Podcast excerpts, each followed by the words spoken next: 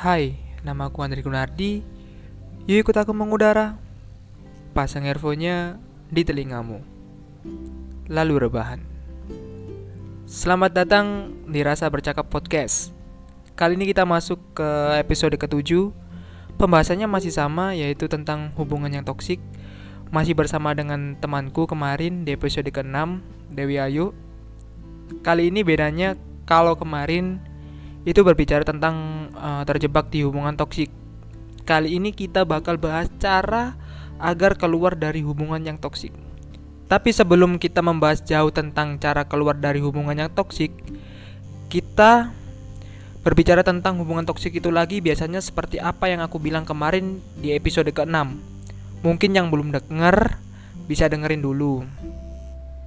Kenapa sih orang yang terjebak di hubungan toksik itu nggak mau keluar adalah alasan besarnya adalah karena mereka ini takut nggak menemukan orang yang sebagus dia. Ada loh bahkan yang sampai nggak mau putus meskipun dia tahu kalau hubungannya itu nggak sehat, tapi tetap aja dilakukan karena selain nggak bisa menemukan orang yang seperti dia, biasanya itu karena cinta dan sayang yang sudah terlanjur tumpah-tumpah. Loyal ke doi boleh, tapi jangan sampai hal itu jadi kebiasaan. Ingat ketika doi udah keseringan ngerasain enak karena selalu diturutin apa maunya, tapi ketika kalian lagi ada di posisi down, kalian bakal ditinggalin. Catat ya friend, jangan sungkan-sungkan untuk pergi dari hubungan yang toksik. Kalau menurutmu Mbak Ayu, kenapa ada orang yang gak mau keluar dari hubungan toksik? Padahal dia tahu hubungan itu nggak sehat tapi tetap aja dipertahani. Karena aku yakin semua hubungan awalnya baik, manis-manis aja ya kan. Tapi kita juga nggak tahu akhir hubungan atau perjalanan dalam hubungan itu sendiri bagaimana ke depannya. Menurutku, bukan orangnya yang nggak mau keluar dari hubungan toksik itu, tetapi dia punya pikiran yang kayak gini. Ah, dia dulu nggak gini, dia dulu baik kok, dia sabar, pengertian, dan lain-lain lah Coba sabar deh, kali aja dia lagi banyak masalah. Pasti bakal balik lagi kayak dulu.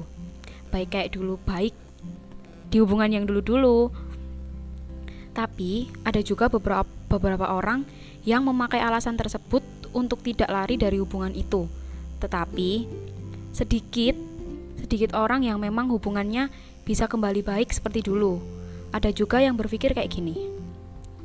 Aku bisa gak ya nemuin orang baru lagi Aku pantas gak ya buat orang lain? Ah, kayaknya gak ada yang nerima aku selain dia deh. Males ah ngulang hubungan baru lagi. Dan tanpa dia sadar, ada banyak kehidupan yang membahagiakan setelah dia bisa lepas dari hubungan toksik itu. Aku juga pernah dapat advice kayak gini. Jangan karena kamu takut kesepian, membuatmu bertahan dengan orang yang tidak membahagiakan. Coba deh, keluar dari hubungan toksik, pasti bahagia. Toxic relationship itu emang candu ya, makanya banyak yang susah buat keluar. Salah satu langkah buat berhenti adalah potong, putus, lepas, pergi, jauhi, hilang. Dia hanya tumor buat hidup kamu. Berat emang, kamu kudu lepasin. Tapi kamu harus ikhlasin dia. Oke, Mbak Ayu, pernah nggak sih ngalamin sendiri? Atau punya kenalan yang toxic relationship? Entah itu pasangan atau temen. Boleh deh diceritain dikit lagi. Kalau masalah punya hubungan toksik, mending ceritain diri aku sendiri aja ya. Kalau ceritain temen, nanti dikira ikut campur. Jadi pernah dulu sempat kejebak di hubungan toksik, tapi masih belum sampai ke toksik yang fisik. Cuman sampai toksik verbal aja. Tapi kan udah nyakitin, kita udah punya rasa trauma kayak gini. Kok nih cowok udah berani ngomong kasar ya? Takutnya kita punya trauma masa semua cowok juga kayak gini?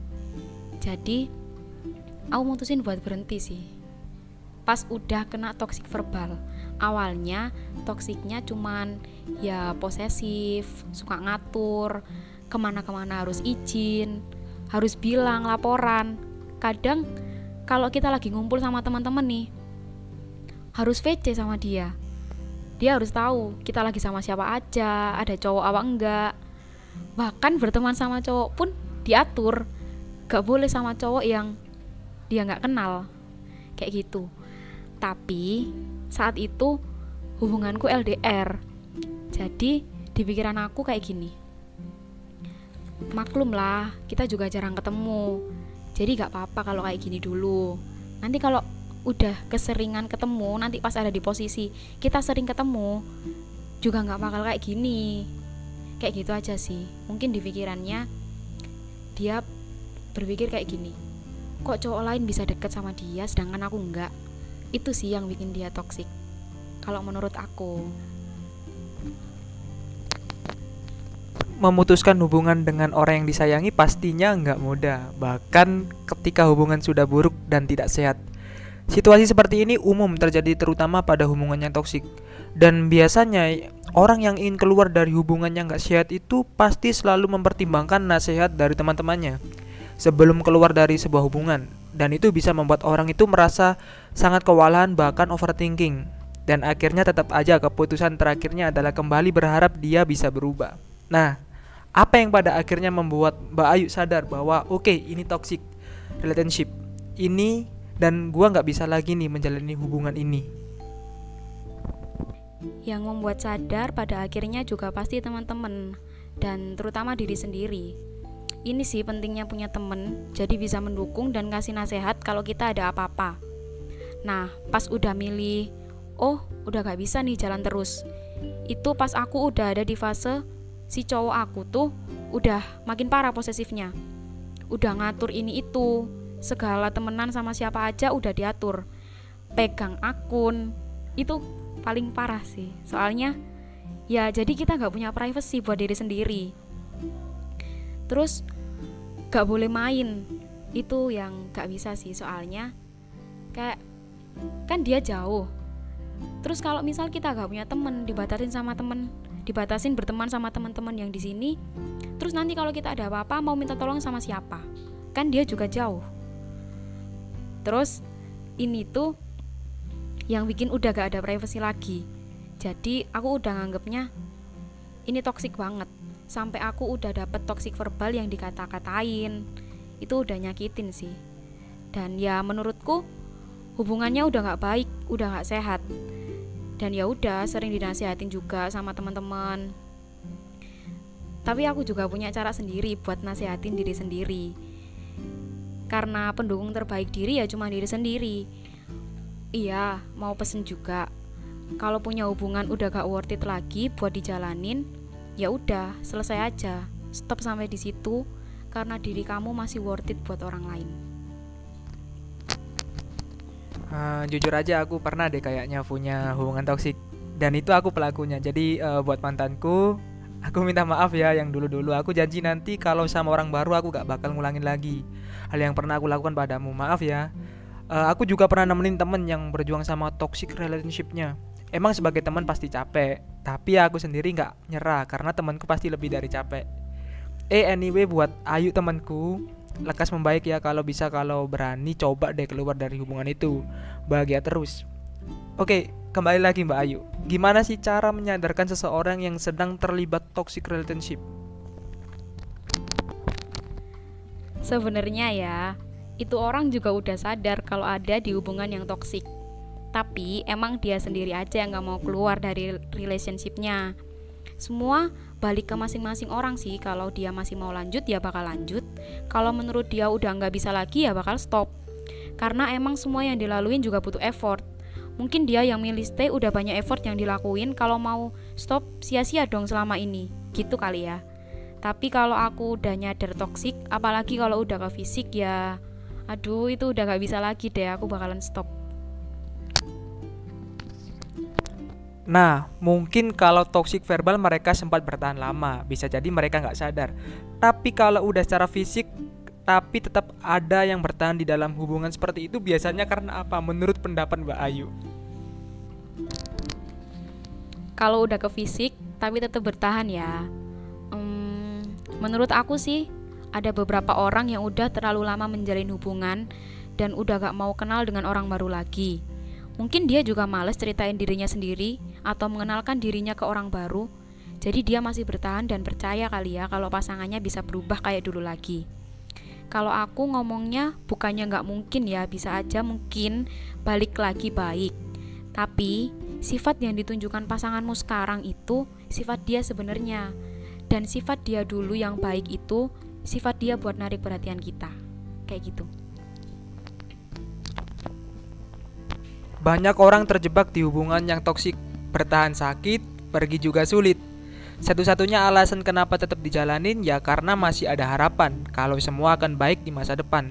Tanpa pernah yakin dan cuma bisa berlindung dari hal-hal yang udah dikorbanin. Dan kayaknya untuk case suatu relationship yang toxic, entah love atau friendship, itu kita harus berani ya berarti untuk keluar dan ngelepas itu deh. Karena ketika kita udah udah bener-bener ngelepas pasti aja otak bisa berpikir jernih dan lebih ngerasa lega gitu walau sakit banget ya. Tapi itu jalan yang terbaik. Selalu bilang dia sayang kamu tapi selalu gak percaya selalu gak terbuka. Impression you if you counter on uh, of those run away. Mbak Ayu uh, ini kan toxic relationship juga bisa bikin trauma cara untuk menghindari agar nggak trauma lagi menurut pendapatnya Mbak Ayu gimana itu kan sulit kan kalau kita bicara trauma itu kayak sakit tapi kita nggak bisa gambarin sakitnya itu kayak gimana kalau menurut aku nggak bisa dihindarin sih Caranya ya nunggu sembuh dulu itu hati, baru coba buka buat orang baru lagi. Kalau masih takut karena masa lalu ya jangan coba-coba. Takutnya malah nyakitin orang lain. Coba sayangi diri sendiri dulu, baru menyayangi orang lain. Nah, Mbak Ayu, ketika kamu berhasil melepaskan diri dari toxic relationship, apa yang kamu rasakan? Jujur ya, awalnya ya kesepian sih soalnya udah ngejalanin beberapa tahun tiap hari itu baik-baik aja kayak sama dia terus kayak gitu. Terus tiba-tiba ada kebiasaan yang beda. Jadi ya sepi aja rasanya soalnya beda. Tapi pastinya bahagia sih. Soalnya udah nggak diatur mau ke mana-mana ya terserah mau ngapain aja nggak perlu izin dulu. Tapi justru itu yang bikin kita kayak kok udah gak ada yang ngatur lagi ya? Jadi kangen.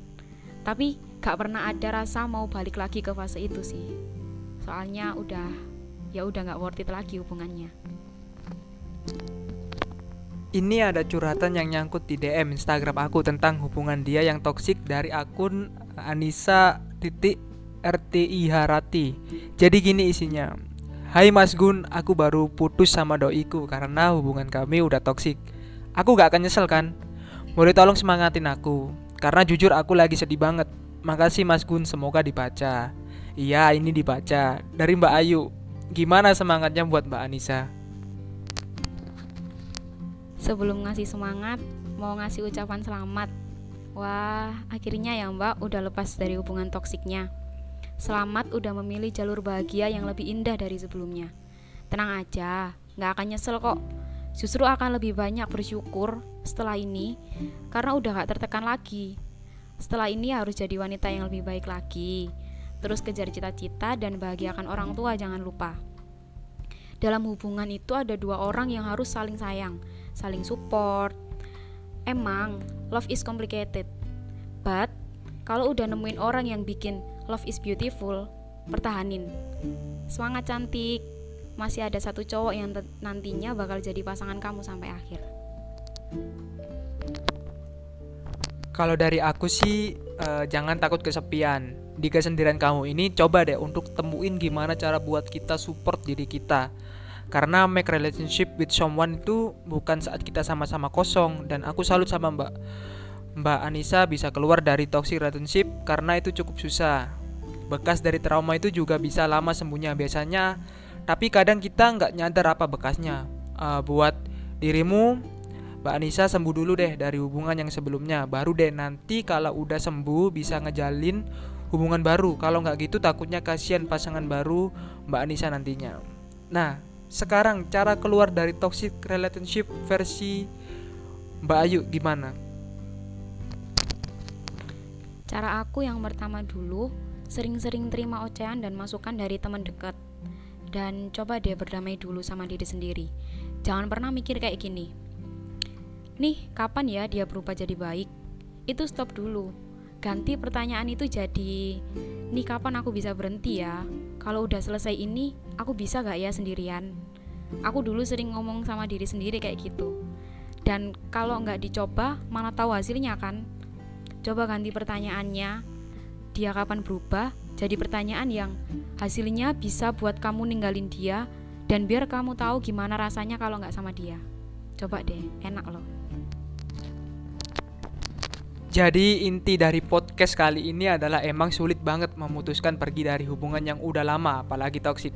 Selalu berlindung dengan kata aku cinta banget sama dia atau hubungan ini udah lama, sayang banget sampai udahan. Tapi kalau diri sendiri terus-terusan gak bahagia dan diri sendiri gak berkembang, buat apa? Dan itu adalah kata terakhir. Sampai jumpa di episode selanjutnya.